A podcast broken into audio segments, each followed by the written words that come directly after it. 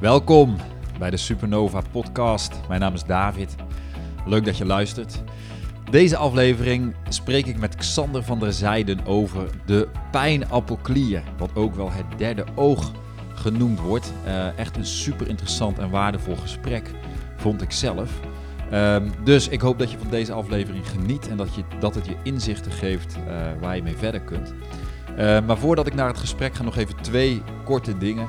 Uh, als je naar deze podcast luistert en je vindt hem waardevol, laat dan even een review achter in de podcast-app. En deel deze podcast alsjeblieft met een vriend of vriendin waarvan je denkt dat deze er wat aan heeft. Uh, en daarmee doe je mij en mijn gast, uh, mijn interviewgast, een groot plezier. Dus dank je wel daarvoor. Um, we gaan het dus vooral hebben over die pijnappelklier. maar ook over DMT, um, ayahuasca, chemische upgrades in ons lichaam. Um, en eigenlijk is het een beetje een, een gesprek waarin, uh, wat mij betreft, uh, de spiritualiteit en ook de wetenschap samenkomen. En met name omdat we in een tijd leven waarin we veel meer ontdekken over het lichaam en over hoe wat we vroeger alleen als mystiek zagen, ook op een. Um, ja, met huidige technologie ook verklaard en uitgelegd kan worden. Wat het natuurlijk ook weer heel interessant maakt, wat mij betreft. Dus ik wens jou heel veel luisterplezier en geniet. Ja, wij gaan het in uh, dit gesprek. Uh, de aanknopingspunt is de pijnappelklier. Ja. De geheimen van de pijnappelklier. En we kijken wel wat er nog meer naar boven komt. Maar we hadden het net al even over ayahuasca en plantmedicijnen. En ja. nou ja, de mysterie van het leven, om het maar even zo te noemen. Um, Ja. waar, hoe, hoe, hoe is jouw fascinatie met de pijnappelklier? En misschien moet je ook maar even uitleggen wat dat ding precies is. Um, begonnen. Ja. Ruim tien jaar geleden had ik, ja, je noemde het net al, ayahuasca, had ik mijn eerste ervaring met ayahuasca. In zoverre dat ik zelf een innerlijke reis ging maken. Mm. En dat mijn pijnappelklier, en daar ga ik straks wat meer over vertellen uiteraard, dat die gestimuleerd werd. En dat was voor mij zo'n enorme openbaring, dat ik uh, daar heel nieuwsgierig over werd. Wat gebeurt er in mijn lichaam? En wat gebeurt er in mijn energie? Ja. En toen ik dat ging onderzoeken, toen kwam ik als eerste bij een documentaire uit, DMT, de Spirit Molecule. Nou, ayahuasca is een plantenmedicijn waar DMT in zit. En toen viel er al heel veel op zijn plek. Ja. Eh, want wij maken van nature dus DMT aan al in onze pijnappelklier. En pijnappelklier zit dus in het midden van onze hersenen. Wordt ook wel het kloppende hart van de hersenen genoemd. En het staat in verbinding met het derde oog, ook wel bekend als het zesde chakra of de epifyse. Mm -hmm. En het heeft een hele belangrijke fysiologische functie. Ja. We gebruiken het voor ons bioritme, ons dag- en nachtritme. Overdag maken we serotonine aan in de pijnappelklier. Dat is ook wel bekend als het gelukhormoon. Ja. Wat overigens voor het allergrootste deel in de darmen aangemaakt wordt, maar ook dus deels in die pijnappelklier. Okay. En gedurende de nacht als het donker wordt. En bij uh, kindjes zie je, dat, uh, zie je dat heel mooi. Als het donker wordt, beginnen ze gelijk te geeuwen. Nou, dan wordt er in die pijnappelklier melatonine aangemaakt. Ook wel bekend als het slaaphormoon. Hmm. En ja, dat gebeurt dus eigenlijk allemaal al in die pijnappelklier. En gedurende jouw slaap is die pijnappelklier ook actief. Want na ongeveer drie uur gemiddeld, verschilt een beetje per persoon. Dan gebeurt er iets heel bijzonders. Hè? Want je hersengolven die gaan als je gaat slapen, die gaan zich eerst vertragen. Mm -hmm. Maar zodra je in die remslaap terechtkomt, dan gaat die, gaan die hersengolven ook weer omhoog. Oh, ja. En dan gebeurt er ook iets in die pijnappelklier. Er komt een stofje bij, dat heet pinoline. En de combinatie van pinoline en melatonine, die zorgen ervoor dat je me, me, DMT gaat aanmaken. Hmm. En dat zorgt ervoor dat je hersengolven omhoog gaan en dat er beelden gecreëerd worden tijdens je slaap. Dus als je aan het dromen bent. Dus het dromen is eigenlijk ook al DMT? Absoluut. Ja, absoluut. Ja, ja we ook wel een soort supermelatonine. En die droomwereld, en ik ben daar ook steeds bewuster mee bezig. Ik ben inmiddels redelijk in staat om mijn dromen te sturen. Dat klinkt misschien een beetje gek, maar je kunt je dromen echt, echt een beetje sturen. En je kunt ook interessant. onwijs mooie boodschappen eruit krijgen. Ja. Echt ma- magisch interessant, want de symboliek, en bij mij gaat het heel erg gepaard met beelden, de symboliek die je tijdens je dromen voorgeschoteld krijgt. Als je dat in beelden dus gaat zien en zodra je wakker wordt en je die beelden kunt herinneren en je ze op gaat schrijven, ja, dan ontvouwt zich heel vaak een enorm interessante boodschap. Hmm. Die dus gevoed wordt vanuit je onderbewustzijn. Het verklaart natuurlijk wel heel veel al wat jij nu zegt. Van oké, dromen Ja. en DMT en ayahuasca-ervaringen met innerlijk werk, zeg maar. Met, Absoluut. dat- met archetypische beelden. En dan denk ik, oh ja, Ja. natuurlijk. Het makes Ja, sense. ja, absoluut. En, en het is echt een beetje connecting the dots. Ja. En ook toen ik, toen ik mij ging beseffen dat de pijnappelklier als allereerste wordt aangemaakt wanneer je nog in de, ba- in de baarmoeder zit bij je moeder. Dus voordat het hartje wordt aangemaakt. Eh, en je dus ook een kloppend hartje kunt zien hè, eh, als, je naar het, eh, als je naar het ziekenhuis gaat. Dan is er al een pijnappelklier aangemaakt. Wauw. Ja, hoe interessant is dat? En voor mij betekent dat dat de pijnappelklier dus een hele belangrijke functie heeft bij het incarnatieproces. Hmm. En ongeveer vier maanden, dan begint eigenlijk dat incarnatieproces. Wanneer de ziel, incarne betekent Ja. ook in het vlees hè, in het Latijn, wanneer de ziel langzaam gaat neerdalen in het lichaam. Ja. En tijdens dat geboorteproces wordt zowel bij het kindje als bij de moeder extra DMT aangemaakt. En aan het einde van de rit, wanneer we dus het fysieke lichaam weer los mogen laten, gebeurt precies hetzelfde. Ja. Gaat de pijnappelklier ook extra DMT aanmaken. En hoe mooi zou het zijn als wij in ons leven ervoor kunnen gaan zorgen, want dat hebben we. We hebben een fantastisch instrument, we hebben ons lichaam, we hebben de pijnappelklier, om dat gedurende ons leven ook te doen. Omdat het Ja. ook echt gaat over verbinding, in harmonie komen met jezelf, met de natuur, met andere mensen. Nou ja, het is, of het verklaart, het is wel interessant dat jij zegt van, oh ja, baby's hebben, we denken ook die, bi- zeker een pasgeboren kindje, dat is zo iets bijzonders. Ik heb dan ook, als ik zo'n kindje zie of vast, dan denk ja, die is echt nog Ja. uit die andere wereld, weet je wel. Dus dan voel je van, oh, dat kind leeft eigenlijk nog in die andere dimensie of zo. Een andere, ja, de mensen die ayahuasca kennen, die weten van, ja, dat is echt een ander, een soort thuis. Of hoe zeg je dat? Ja, nee, zeker. Ja, voor, voor mij is het absolute schoonheid. Ik, ik, ik weet nog goed, ik heb twee zoontjes. En toen zij geboren werden, die oogjes die, die je voor het eerst aankijken, ja, dat ontroert me nu weer als ik dat zeg. Want dat, is, dat staat zo diep gegri- gegrift in je geheugen. Dat je in die oogjes kijkt en dat je denkt, ja, wauw, dit... Nou ja, als we het dan toch mogen hebben over, over het goddelijke, dan is, is dat het. Ja, ja, ja. Ja, Ja. bijzonder, ja. En dus bijna dood. En ze zeggen natuurlijk ook bijna doodervaringen. En dat is natuurlijk... Ja. Sommige plantmedicijnreizen zijn natuurlijk ook een soort initiatie in de dood. Ehm, is dus ook een, of een. DMT, een, een DMT-reis of zo. Of hoe, hoe, wat voor woord je eraan zou moeten Absoluut, geven. ja. Ja. ja. ik heb daar heel veel ook over en van gelezen en heel veel verslagen eh, van gelezen van mensen die een BDE, een bijna doodervaring hebben gehad. En dat komt één op één overeen Ja. met een ervaring eh, met ayahuasca. Ja, dat is ook mijn... Ik voel dat zelf ook. Dat ik denk, oh ja, later dacht ik, ja, het is gewoon eh, een bijna doodervaring geweest. Ja, ja, absoluut. En wat ik ook zelf, ik heb zelf vijf jaar lang ceremonies gegeven, ongeveer 2000 mensen mogen begeleiden. Ik heb heel veel mensen ook eh, nadien, dus nadat ze een ceremonie hadden ondergaan, eh, dat ze zeiden, ja, ik, heb geen angst meer voor de dood. En dat is toch prachtig, want dan kun je, dan kun je gaan leven. Ja. Ja, Ja, als er iets is wat belangrijk of wat dan gebeurt, is dat je het leven weer gaat. absoluut. Leven. Absoluut. Daar gaat het ook om uiteindelijk. Absoluut, ja. Mijn, mijn interesse voor de dood is ook ongeveer tien jaar geleden ontstaan. En toen begin, begin- begon ik ook steeds meer te begrijpen van, van het leven zelf. Ja. Waarom zijn we hier? Wat komen we hier doen? En, en ja, als je met een andere blik, een holistische blik, naar het leven gaat kijken en dus ook naar de dood gaat kijken, ja, dan komt dus ook je eigen leven in een heel ander perspectief te staan. En eh, ja, dan gaat het veel minder over de dagelijkse dingetjes. Dan Ja. gaat, gaat het meer over zingeving. Ja. Maar de pijnappelklier is dus eigenlijk al duizenden jaren. Die kennis die is er dus al heel lang. Want ik, ik, Absoluut, absoluut. Ja, ja. En het is een, en eigenlijk nog steeds, maar het is een beetje verborgen, tussen haakjes verborgen symboliek. Want als je de symboliek ervan gaat herkennen, Mhm. dan zie je het overal terugkomen. Kijk, het oude Egypte, dat gaf je net al aan. Daar zie je heel veel afbeeldingen van, van de pijnappelklier. Het derde oog, het oog van Horus, de, Horizon Sun. Het. Wordt ook echt wel de- het oog van de zon genoemd, het oog van het licht. Ja, maar ook in de tegenwoordige tijd. Om even uit te leggen, dat is eigenlijk eh, dat, dat oog zeg maar, van Horus. Dat is eigenlijk als je zeg maar een ja, een hersen soort van door midden snijdt, of een hoofd door midden snijdt, dan zie je dat zo, dan heeft dat die vorm. Precies in het midden zit dan, ja, ja.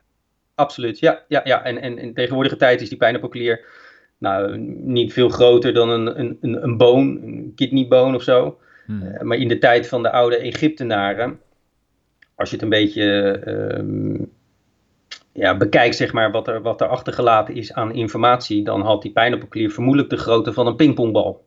Oké. Veel, veel, veel groter. En ja, voor mij betekent dat dus dat ook in die oude Egypte, oude Egyptische tijd, ja, dat je te maken had met een heel ander bewustzijn. Ja. En als je dat nog verder door gaat trekken en je vergelijkt het een beetje met de dynamiek van het licht, want daar praten we over, de hoeveelheid licht dat, dat onze kant op komt, ja, dan had het licht ook veel minder tijd nodig in lichtjaren, dat kun je gewoon terugrekenen, voordat het de mens, de aarde dus, uh, bereikt. Uh, en als dat ongeveer, volgens mij had dat, dat wordt ook het gouden tijdperk genoemd, 4,5 lichtjaren nodig. En tegenwoordig is het bij, meer dan 9 jaar voordat het zonlicht ons bereikt. Ja, dat is dus twee keer zo snel. Wauw. En als er dus veel meer licht naar ons toe komt, ja, dan moeten we dat ook fysiologisch kunnen verwerken. Hmm. En dat gebeurt dus ook in die pijnappelklier. Ja, want die reguleert natuurlijk licht en donker en dan slapen en ontwaken eigenlijk. En, en waar zien we die pijnappelklier nog meer terug dan? Ja, op het 1 dollar biljet. Ja. ja, maar ook in de tegenwoordige tijd is het, zie je het terug. de paus van de staf, uh, sorry, de, de staf van de paus, daar zit hij, uh, zit hij ook in verwerkt. En als je een keer naar het Vaticaan bent geweest, dan zie je van die hele grote ja, soort dennenappels zie je voor de deur staan. Ja, dat is ook een verwijzing naar de pijnappelklier toe. Dus ook in de tegenwoordige tijd zie je het gewoon volop terugkomen.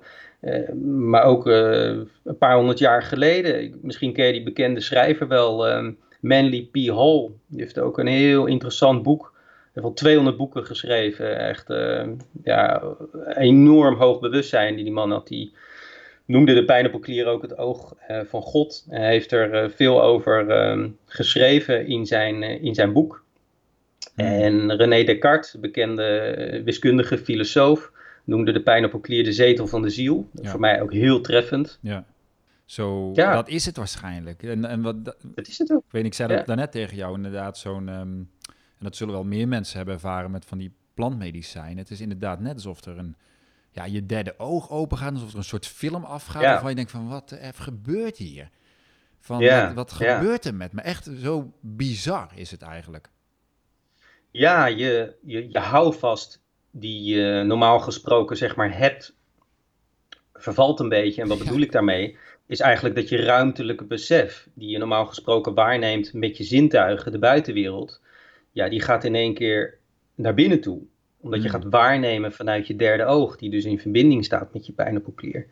En daardoor verandert je ruimtelijke besef gigantisch. Hmm. En ook je hele tijdsbesef, hè, tijd en ruimte, die dynamiek, die verandert. Ik heb ook echt, en zelf ook natuurlijk ervaren, je kunt in een tijdsbestek van twee, drie minuten, eh, kan het net zo zijn alsof je misschien wel drie dagen aan het, uh, aan het reizen bent. Ja. Omdat je zoveel meemaakt en zoveel ziet, zoveel ervaart. Echt letterlijk als eigenlijk net als een pasgeboren kindje, als één zintuig ben je in één keer de wereld aan het waarnemen. Dus je referentiekader, je, eh, kader, je filter die je, mm. gewoon, die je hebt opgebouwd met alle ervaringen die je in je leven hebt, ja, die, die is in één keer open. Dus je ervaart heel anders de wereld om je heen. Ja. Nou, je leest natuurlijk tegenwoordig wel veel over dat de pijnappelklier dat die verkalkt is. Ik weet niet precies wat dat inhoudt. Misschien kan jij er iets meer over vertellen. Maar um, en nog een vraag, maar die hebben misschien met elkaar te maken, is als je dan bijvoorbeeld zo'n ayahuasca-reis hebt, speelt die pijnappelklier dan nog een rol daarin? Of is die zo eigenlijk buiten werking dat je gewoon puur die, dus die plant nodig hebt? Of, of om... Snap je wat ik bedoel? Ja, zeker, zeker, zeker. Ja, nou, kijk, de pijnappelklier wordt kan verkalkt raken. Dat is sowieso iets dat hoort zeg maar bij het verouderingsproces. Hè, dan verkalkt die uh, automatisch al. Maar het gebeurt ook door ja, het milieu zeg maar, waar wij ons binnen begeven. Uh, er zijn een aantal grote boosdoeners, waaronder fluoride, hè, mm. tandpasta die, uh, die je inneemt. Maar ook kwik, uh, wat je natuurlijk ook gewoon in het grondwater aantreft, in de, in de voeding. glyfosaat, dat over onze gewassen in ieder geval nog steeds flink gespoten wordt. heeft allemaal een uh, effect op de pijnappelklier. En dus ook een effect op je immuunsysteem. Zware metalen. Ja, en je kunt het redelijk ontkalken, ontgiften. Door uh, groene algen on, onder andere te gebruiken. Spirulina, chlorella bijvoorbeeld. Mm. Ja. Uh, maar ook uh, ginseng, ja. zink. Ehm, om het, um, ja, in ieder geval het verouderings-, het verkalkingsproces zeg maar, tegen te gaan. Maar aan de anderzijds, om, om je pijnappelklier te gaan stimuleren met meditatie, met ademwerk. Dus ook wat Wim Hof doet, de Iceman, die stimuleert ook door middel van die ademtechniek. Hè, door echt zuurstof naar boven als het ware te pompen via je buik richting je hoofd, richting die pijnappelklier. In die retentie gaan zitten, ja, dan ben je je pijnappelklier aan het, uh, aan het stimuleren. En uh, opent zich uiteindelijk ook een, uh, ja, een andere wereld. Heel toevallig, dat is natuurlijk niet toevallig, was ik vanochtend bij een vriendin hier in, in Ubud. En zij zei, oh, zo ja. even een Dr. Joe meditatie of ademding doen. Ik zei, ja, ja hebben daar tijd voor dan? Ze zei, ja, ja, dat is dan eentje en dan doe je adem.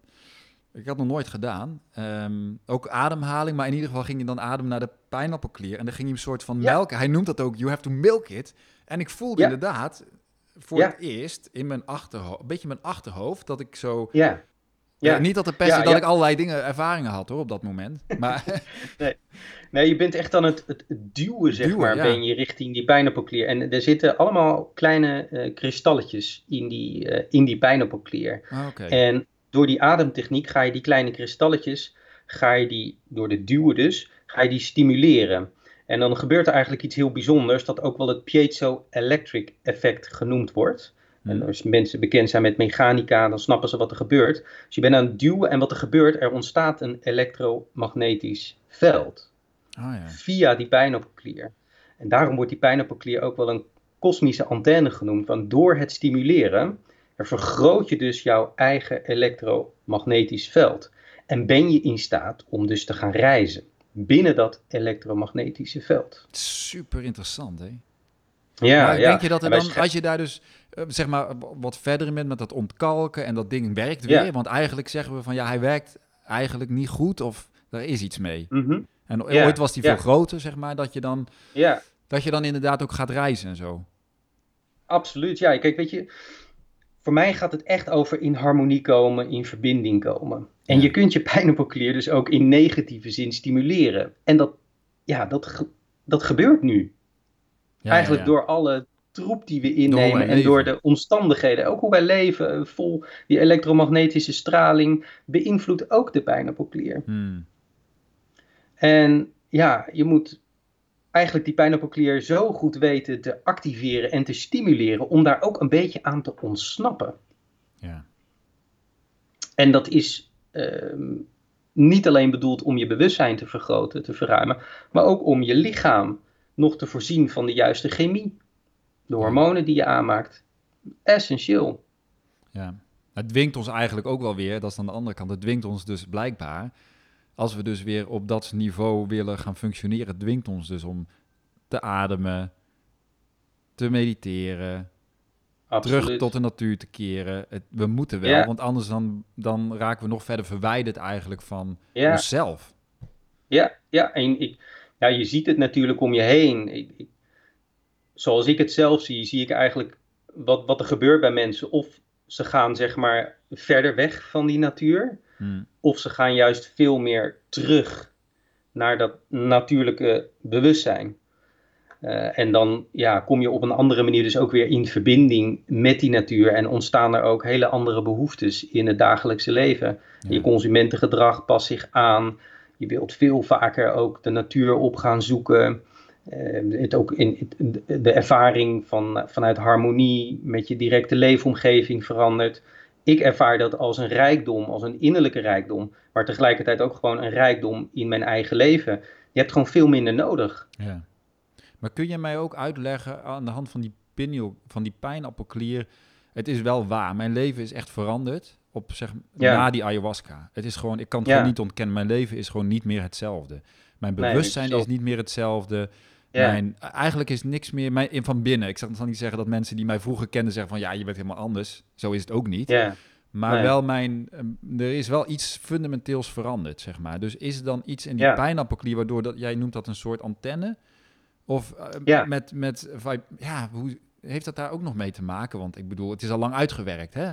De ayahuasca, snap je? Dus Ja, dat denk je. Nee, maar ik, ja, ik vind wel leuk dat je dit aansnijdt. Voor mij is dat ook echt de missie, zeg maar, die ayahuasca heeft. Dat is natuurlijk gigantisch populair geworden de afgelopen vijf à zes jaar. Is echt om dat natuurlijke bewustzijn bij mensen te herstellen. hmm, En die pijnappelklier is als het ware een instrument om op te klimmen van je lagere zelf naar je hogere zelf. Hmm, Hè, naar je ziel en naar je geest. En wanneer jij in staat bent om de informatie die je via die kosmische antenne, de pijnappelklier, om die om te zetten in chemie in je lichaam, ja, dan ontstaat er veel meer eh, harmonie. hmm. En pas je automatisch, dat is gewoon een vanzelfsprekendheid, een logisch gevolg van dus, pas je automatisch ook je gedrag aan. Ja. Je bent veel minder bezig met de maatschappelijke status of wat andere mensen van je vinden, ehm, consumeren. Je, ja, er verandert zoveel. Ja. En ik vind het ook zo mooi, want ik heb dat ook van heel veel mensen teruggekregen die, die een ayahuasca-ceremonie bij mij hadden ondergaan. Dat hun leven een hele andere ja, vlucht bijna had gekregen.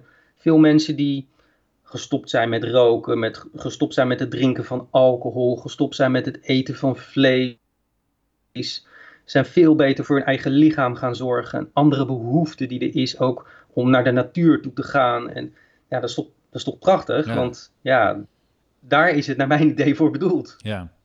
Maar kun jij, kun jij ehm, je zei natuurlijk daarnet ook van ja, maar ik ben gestopt met het begeleiden van dat soort ceremonies.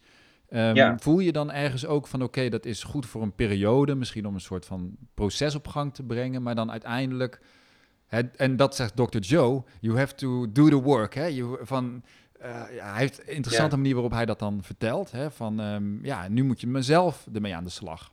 Ja, Niet Ja, afhankelijk nee, worden van de planten eigenlijk.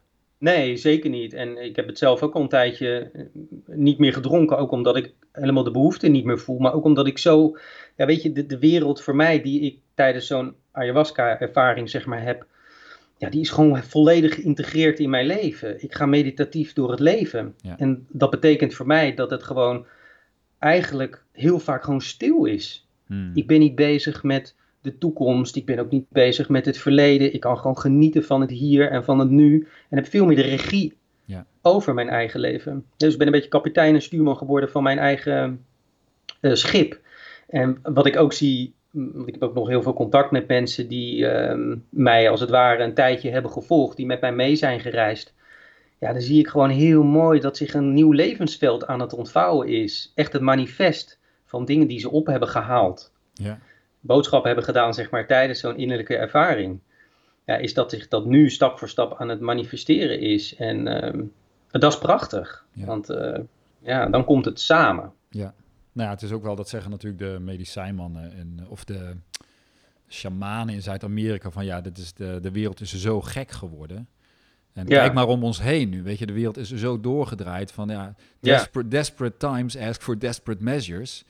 Ja, Ja. konden we al die politici maar eens even bijna onder dwang Ja, aan de plantmedicijnen helpen, weet je wel. Het zijn natuurlijk eh, Ja. gekke gedachten, maar ja, Ja, nou, als ik kijk ook naar de dingen die ik nu doe. Ik ben echt een, een innerlijk reisleider en ik neem mensen ook via Zoom neem ik mee op reis. Is ehm, dat ik bijna net zo ver kom, ja, heel vaak, dan eh, een reis zeg maar met een, eh, met een plantmedicijn. Ja. Dus het, het- voor mij voelt het ook dat de energie echt aan het veranderen is. Omdat mensen veel makkelijker contact kunnen maken met hun binnenwereld. ja. En ook met delen in hun brein waar ze normaal gesproken minder snel bij kunnen. ja, dus het collectieve veld is eigenlijk eh, aan het veranderen, zeg jij. Ja, ja, Ja. ja, zo ervaar ik het wel. Ja. Ja, ja, Maar Zeker. kun je nog wat meer vertellen over die, jij noemt dat dan die antenne of zo, hè? Die, die pijnappelklier. ja. Dus je, je, Ja. als die dus gaat functioneren, en, maar hoe weet je of dat ding werkt? nou, dat merk je wel. Nee, maar ik bedoel, of die wel. werkt, hij werkt natuurlijk als ik droom, werkt hij. Dus ik droom. Ja, ben je wel eens in een, in een droom bijvoorbeeld dat die zo eh, heftig was dat je wakker werd en dat je hele lichaam aan het vibreren was? Beetje zo'n trance staat, zo omschrijf Ja, ik had toevallig wel een keer een droom waarvan ik echt dacht van, ja, jee, dit was net inderdaad zo'n plantmedicijnreis. Zo echt. Ja, Echter dan de, deze, dat vind ik ook bizar, dat het soms echter is dan deze wereld. Ja, absoluut. Ja, zoals, zoals, zoals ik het ervaar, is voor mij, wanneer die antenne geactiveerd is, is dat de deur geweest ook naar de realiteit. Hè, om echt ook van een afstandje te gaan kijken naar je eigen leven en naar het leven aan zich, hè, jezelf en je wereldbeeld, want dat gaat voor mij gewoon samen. Ja, wat ben ik nou aan het doen en waar zijn we met z'n allen mee bezig? En die, om uh, verder in te gaan op die kosmische antenne, vanuit mijn optiek, en dat hebben ze ook een keer gemeten, is dat je een elektromagnetisch veld om je heen hebt van ongeveer 16 vierkante meter. Okay. En in die 16 vierkante meter heb je verschillende velden. Daar zit bijvoorbeeld je ziel in, daar zit je geest in. Heel vaak wordt dat door elkaar gehusseld, maar dit is, Ja. dit is echt wel iets anders. Je hebt nog een mentaal veld, en je hebt nog een astraal, een spiritueel veld. En om jouw lichaam heb je nog een vitaal lichaam. Hè. Daar zit je, je prana, je chi of je ki-kracht, dat is je levenskracht, energie. Maar al die velden die zijn met elkaar verbonden.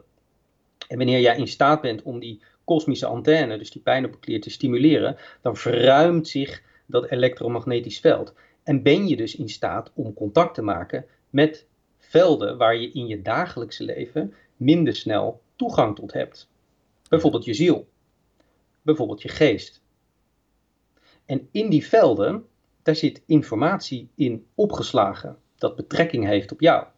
Ja, die eerste verdeling, voor, voor mij staat die ziel ook, bestaat die eigenlijk uit twee delen. Dus je hebt één deel, dat is meer gericht op jouw persoonlijkheid. Mhm. Hè, dus dingen die je in dit leven bijvoorbeeld ervaren hebt, vaak overtuigingen die je opslaat tussen je nul en je zevende levensjaar, waarbij je nog als één zintuig als het ware in het leven staat. En bijvoorbeeld een kleine correctie van je sociale leefomgeving krijgt, dat kan echt voor een enorme imprint zorgen, Ja. in die ziel dus. Daar kun je mee in contact komen. Maar als je daar een beetje doorheen bent gegaan, dan ben je ook in staat om contact te maken met vorige levens. Waarbij er ook een imprint in die ziel is ontstaan. En dat bewustzijn, dat neem je mee. En hoe beter je in staat bent om dat elektromagnetische veld, dus Mhm. ook van de ziel, te vergroten, te verruimen, hoe meer toegang je hebt ook tot die zielsdelen. Ja, die heb- imprinten eigenlijk. Die imprinten. Ja. Ik heb onnoemelijk veel vorige levens eh, heb ik gezien eh, van mijzelf. En ik heb ook wel eens gedacht, want ik ben ook een beetje ongelovige Thomas. Ik wil het eerst zien en zelf ervaren. En weet je, het ook wel eens gedacht van, zit ik dit nou allemaal Ja. te verzinnen? Maar ik heb zoveel specifieke informatie gekregen van vorige levens. Met jaartallen, met namen. Dat ik gewoon op Wikipedia of op internet terug kon zoeken. En het klopte allemaal. 100%. Dus Ja. dat was voor mij echt een bevestiging. Oh ja, nee, ik zit dit niet te verzinnen. Het heeft dus echt plaatsgevonden. Ja. En doordat ik door die levens als het ware heen kon reizen, kon ik steeds meer van die imprints kon ik opruimen, kon ik helen en eh, kon ik ook contact maken met de kwaliteiten die erachter zitten. Ja, precies. En die integreren in je hier en nu eigenlijk. Absoluut. Het doet mij wel een beetje, essentieel. een beetje denken aan eh, de boeken van Jozef Roelof, wat jij nu zegt. Ja, snap ik. Ja, ja. En als je dat. Ehm, want mijn thema, ieder mens heeft als het ware een soort thema vanuit de ziel. Mhm. En bij mij is dat voor mijn waarheid gaan staan. En dat is Ja. iets dat ik de afgelopen jaren alleen maar heb gedaan. Maar tegelijkertijd vond ik het ook doodeng. Ook in dit leven ben ik ermee geconfronteerd. Hè. Als ik Mhm. ergens een verhaaltje moest houden, ook in het bedrijfsleven. Nou, eh, klotsende oksels, eh, kloppend hart en in mijn nek rode vlekken, je kent het wel. Mhm.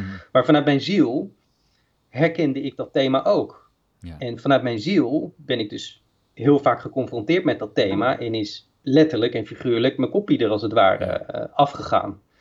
Maar doordat ik er inzicht in heb gekregen waar die kwaliteit als het ware eh, een flinke deuk heeft opgelopen, kreeg ik er inzicht over, kon ik het aanraken, kon ik het helen en kwam er steeds meer energie vrij om die kwaliteit ook weer in dit leven Mhm. te gaan manifesteren. Ja. En dat is wat ik, eh, wat ik aan het doen ben. Ja.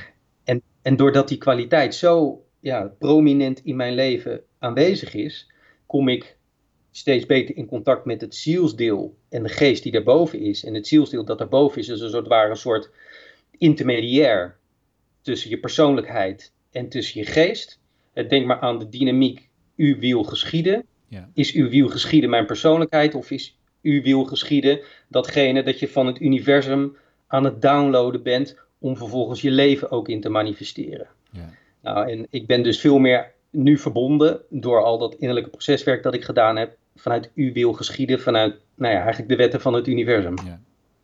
Ik zie het als het leven ook als een prachtig gedirigeerd uh, muziekstuk.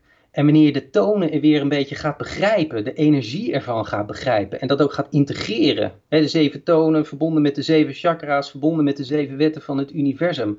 Ja, dan tril je en vibreer je als het ware mee. Ja. En kun je gewoon harmonie ervaren.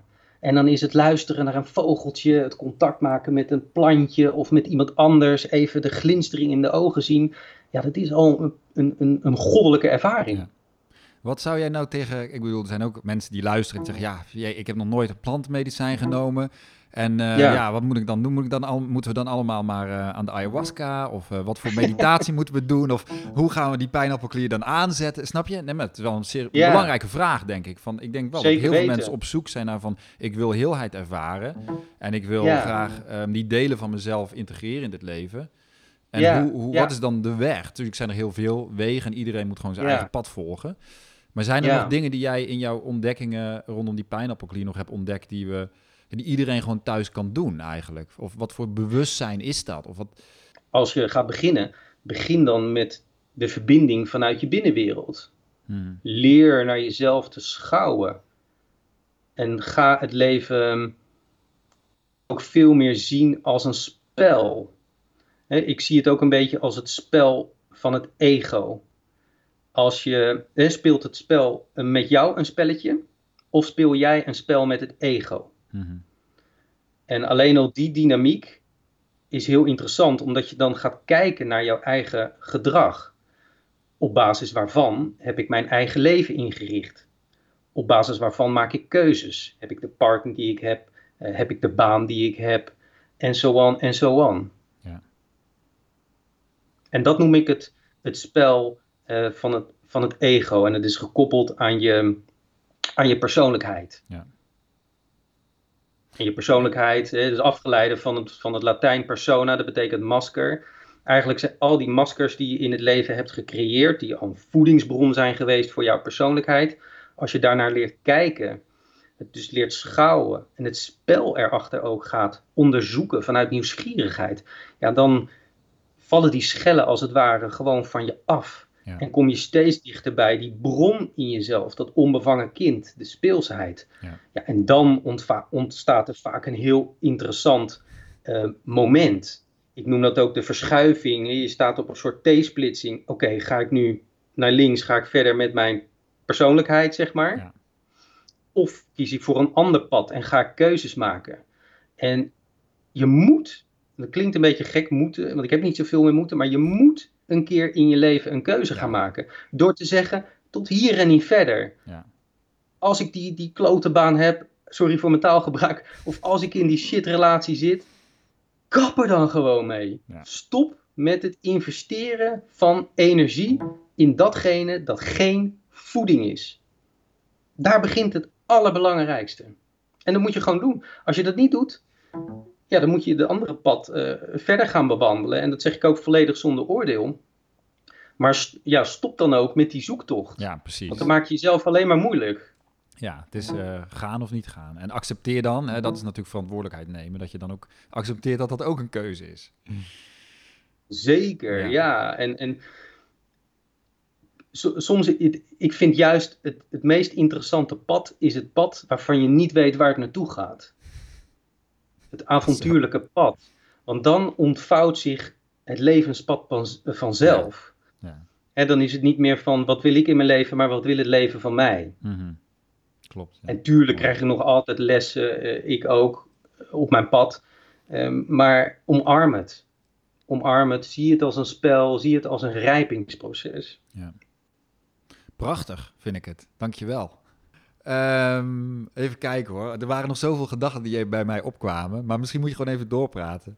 Ik leef een beetje in een bubbel. We leven allemaal in een bubbel, laat ik dat voorop zeggen. In ons eigen leven, ons eigen bubbel. Uh, maar zie, je, zie je inderdaad een beweging in de maatschappij en vanuit jouw, jouw um, ook interesses dat, dat mensen meer open gaan. Dat we, we collectief zeg maar veel meer ja, in contact komen met onszelf en daardoor ook met zeg maar ja, die andere dimensies of die delen van onszelf? Of? Ja, ja, ik zie het wel ontstaan. Ik zie het ook gelukkig ook bij steeds meer uh, jongeren ontstaan. Ik zie het ook wel ontstaan bij 50-plussers die uiteindelijk ook ja, in een andere fase zeg maar, in hun leven uh, terecht gaan komen. En dat is natuurlijk uh, prachtig. Hè, vooral lekker mee doorgaan. Maar ik vind het ook ja, heel interessant en soms ook wel een beetje verontrustend om te kijken in wat voor wereld onze kinderen terechtkomen. En we hebben natuurlijk een maatschappij gecreëerd die volledig prestatiegericht is. Ja. Je komt in deze wereld, je krijgt een stempeltje op je voorhoofd, een SOFI-nummer. En vervolgens word je in een systeem uh, geduwd. Ja.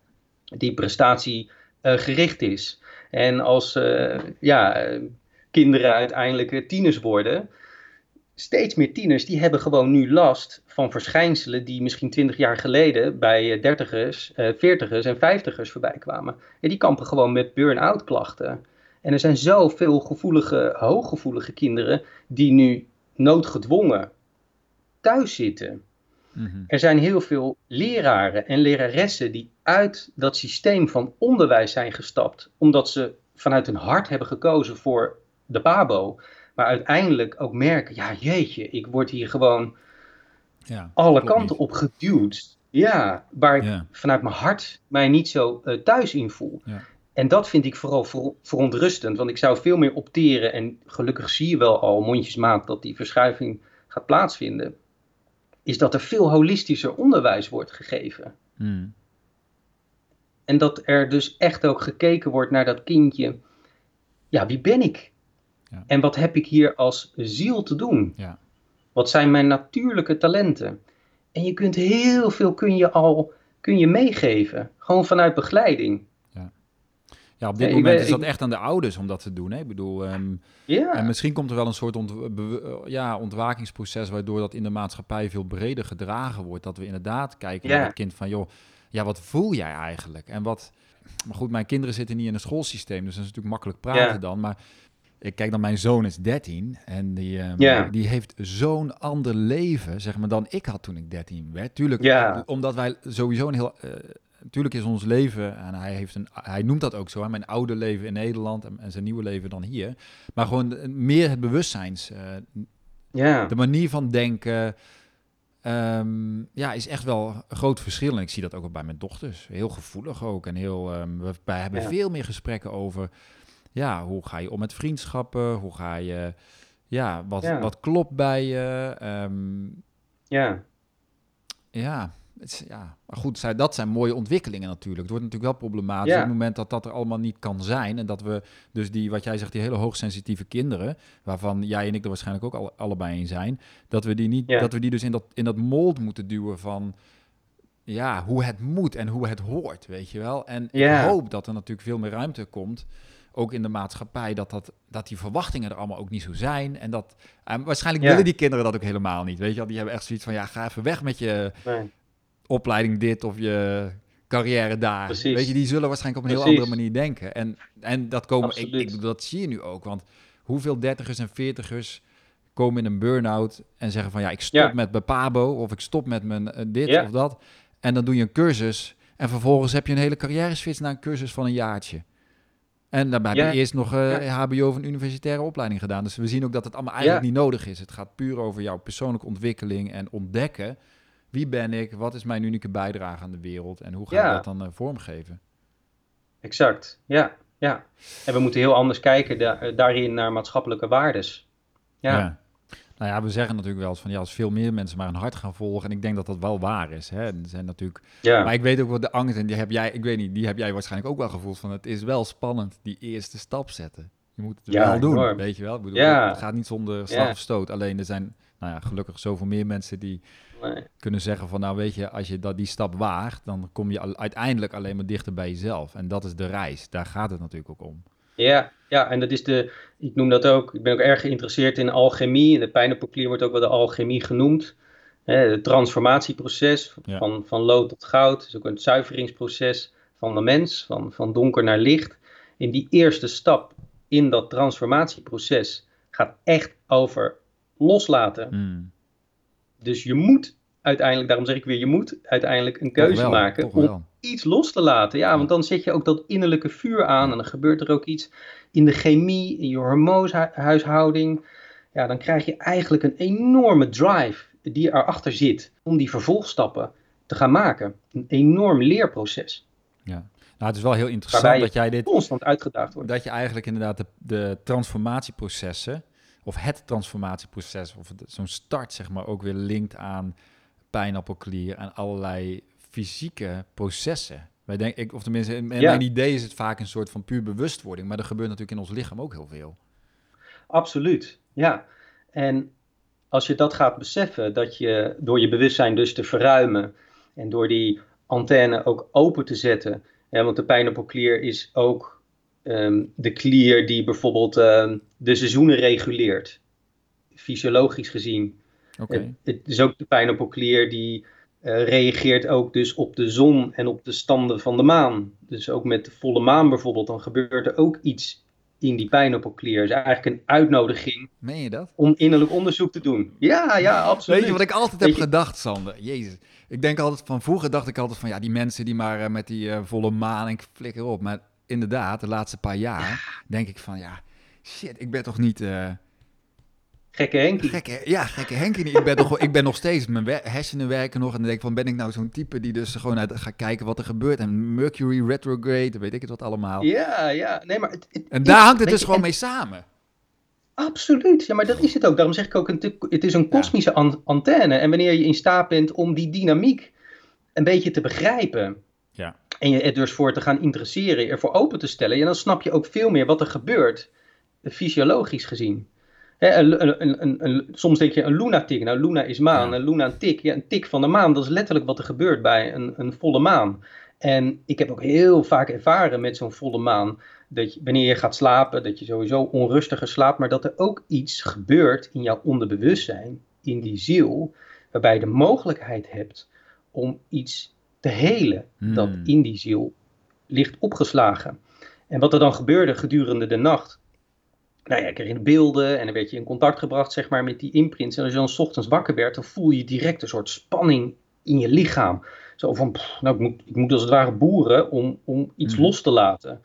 Nou, dan ging ik me daar niet voor eh, afsluiten door te zeggen van, oh, ik voel me slecht. En, eh, nee, even mediteren, er naartoe ademen. Ja. En vervolgens pff, je lichaam de ruimte geven om het los te laten. Ja, en dan neemt je bewustzijn alleen maar weer toe.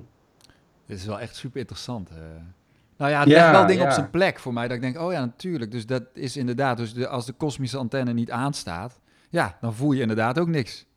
Nee, nee. Maar als die aangaat, Nee, exact. En dat is wat ook heel veel spirituele, even Ja. tussen haakjes, eh, mensen ervaren. Is dat ze veel gevoeliger worden, maar ook tegelijkertijd, hoe gek het ook klinkt, veel meer klachten krijgen. Om hen eraan te helpen herinneren dat er ergens in dat emotionele veld, Ja. waaronder dus in die ziel, iets ligt opgeslagen dat graag eh, getransformeerd wil worden. En in dit leven heb je dus die fysieke ervaring met die ziel nodig om dat te transformeren. maar zijn er dan toch, heb je dan toch een soort van, ja, heftige, ja, niet heftig, maar een soort initiële ervaring nodig waardoor die pijn, waardoor die kosmische antenne dan zeg maar aangaat? Sommige mensen wel. Ja, ja. Kijk, ik weet ook toen ik, als ik niet in 2014 zou stoppen op eigen initiatief met die job, dan was ik in een burn-out terechtgekomen. Ja. En een eh, burn-out, ja, dat is dan een moment zeg maar waarbij je even stil mag zijn. Eh, waarbij je even niet eh, te veel entertainment van buitenaf gaat ervaren, maar echt geconfronteerd dus wordt met andere krachten. Ja. Ja, vaak een verrijkingsproces voor heel veel mensen, omdat ze dan in één keer in een ander veld stappen. En in één keer denken, oh ja, nee, wat er ook gebeurt, ik ga niet meer terug naar datgene dat ervoor gezorgd heeft dat die burn-out eh, heeft plaatsgevonden. Ja. En je hebt soms simpelweg gewoon een soort wake-up call nodig. Ja. Heel veel mensen die hebben dat twee, drie keer soms in het leven. Eh, als een soort wake-up call, zo van, oké, stop, tot hier en niet verder, what's going on? Ja, Gelukkig zijn we, hebben we die, toch? Gelukkig brengt het leven Tuurlijk. die, die, die eh, wake-up calls. Tuurlijk. Ja, nee, maar je- ja, je- ook dat heb je nodig. En ook dat is een spel. En als je dat ook kunt ontvangen, hoe heftig de gebeurtenis ook is, en gaat zien dus als een, een mogelijkheid om te rijpen, om te groeien als ziel, als mens, ja, dan kun je niet vanuit een slachtofferrol erin zitten, Ja. maar kun je veel meer dus ook zien als een verrijking in je leven, om dichter bij ehm, ja, jouw eigen missie in het leven uit te komen en Ja. het verhaal dat je te vertellen hebt. Ja, precies. Ja. En als iedereen nu, ieder mens, zijn eigen zielscript, zijn eigen levensverhaal zou gaan vertellen. Ja, weet je, de natuur is perfect op elkaar afgestemd. Dus als ieder mens in, die, in dat natuurlijke veld zit en ook met datgene hoe ze acteren, ja, dan eh, hebben we een hele andere leefwereld met elkaar.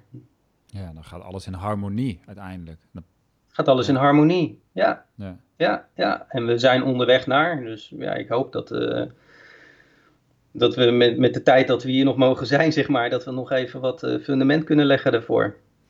Eén één gedachte die ik nog nu heb, nu over het woord kosmische antenne. En dan hebben we natuurlijk de 5G en zo installatie. Maar heeft dat dan ook nog invloed op elkaar? Ja, naar mijn idee wel. Er is een Zwitserse arts, ik ben even de naam kwijt.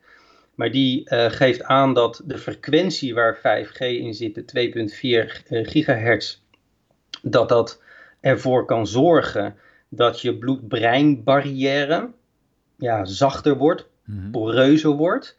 En je bloed-breinbarrière die heeft als functie dat die zware metalen onder andere niet terechtkomen bij je pijnappelklier.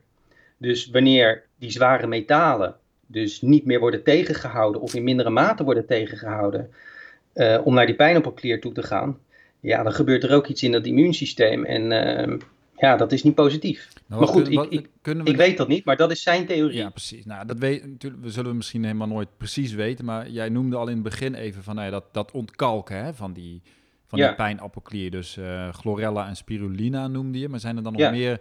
Heb je het dan puur over een, een detox van, zeg maar, een lichamelijke detox in eerste instantie die Ja. ondersteunend kan zijn?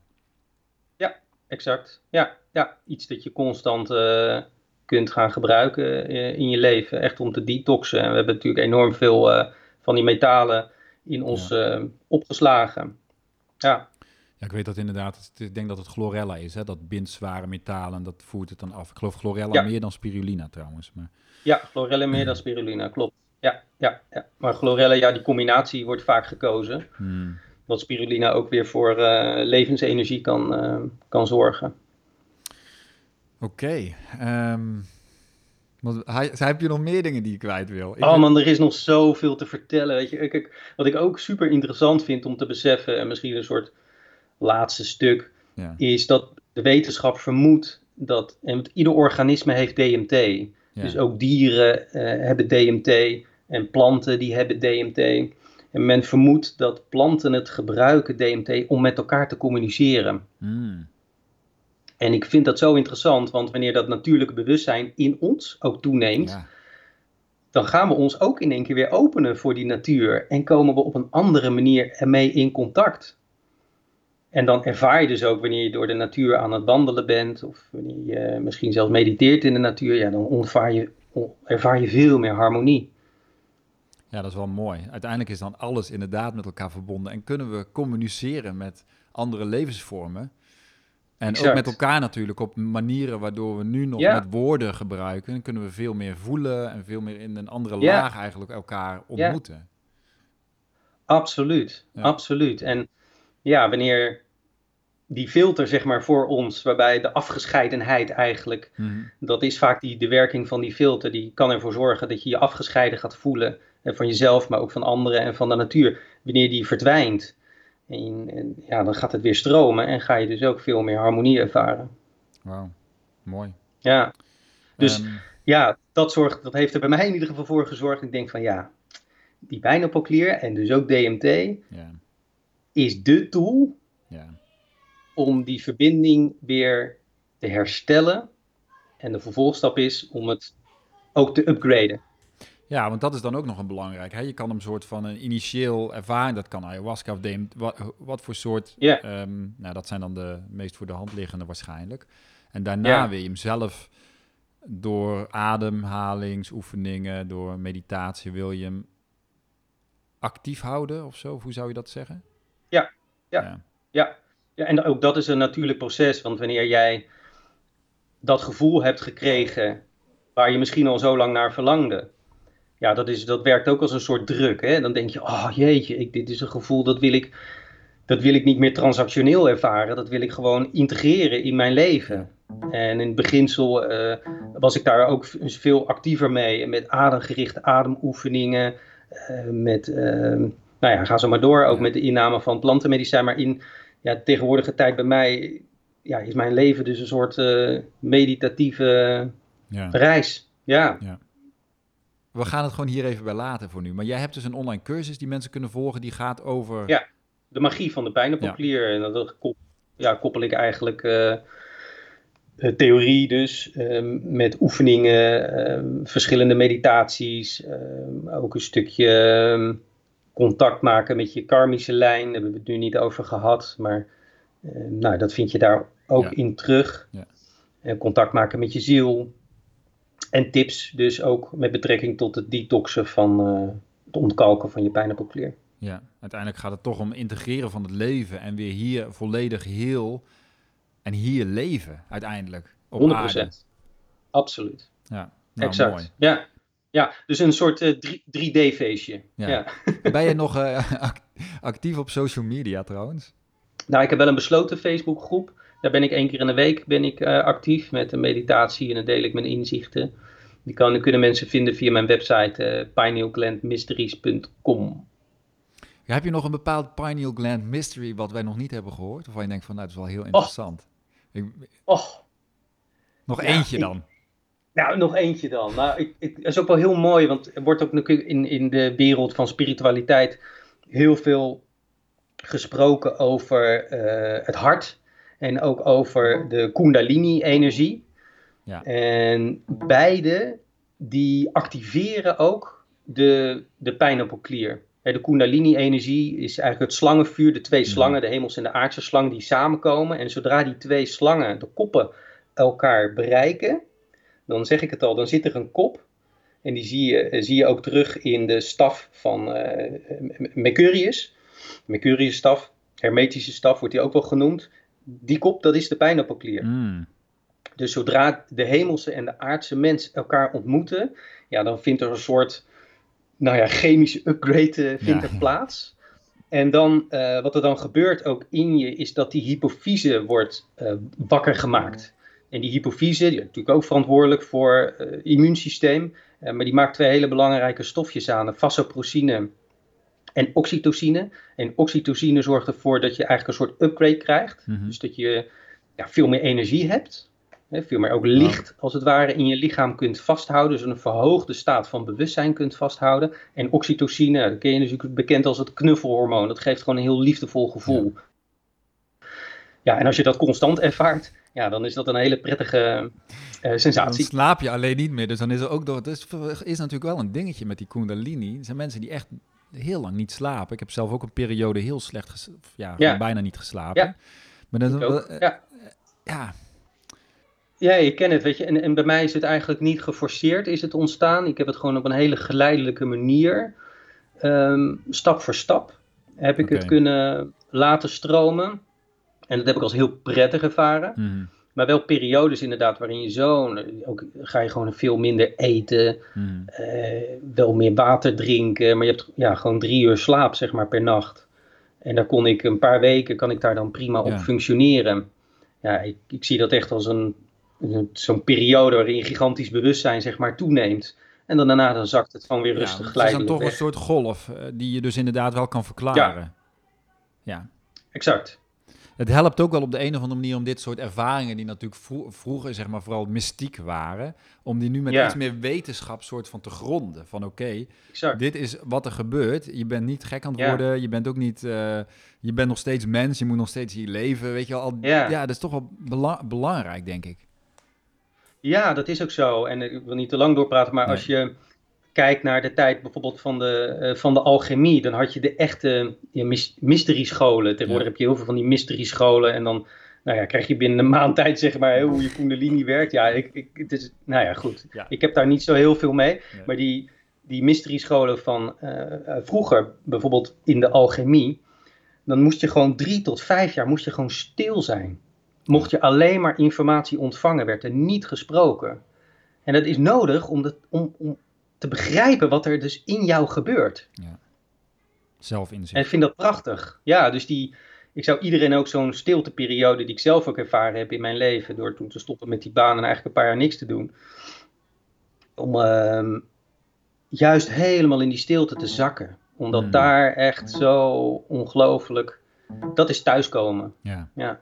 Zakken in de stilte, in de oneindigheid. ja, Ja. prachtig. Ehm, nou ja, voor de luisteraar nog één ding. Als jij van deze podcast genoten hebt, als je hem waardevol vindt, dan kun je één ding terug doen voor ons. En dat is hem te delen met een vriend of een vriendin in je omgeving. Xander, eh, super eh, fijn dat je mij eh, te woord wilde staan. Dankjewel voor je waardevolle inzichten. Heel graag gedaan. Jouw website is pinealglandmysteries.com. Wil je meer weten over deze podcast? Kijk dan even op davidpieters.com. Ehm, en daar vind je ook meer informatie over hoe je eh, met mij kunt werken als je zelf door een fase van verandering en transformatie gaat in je bedrijf ehm, of persoonlijk. Ehm, nou, daar vind je meer over op mijn website. Ik wens jou een hele fijne week toe, een fijne dag en tot de volgende.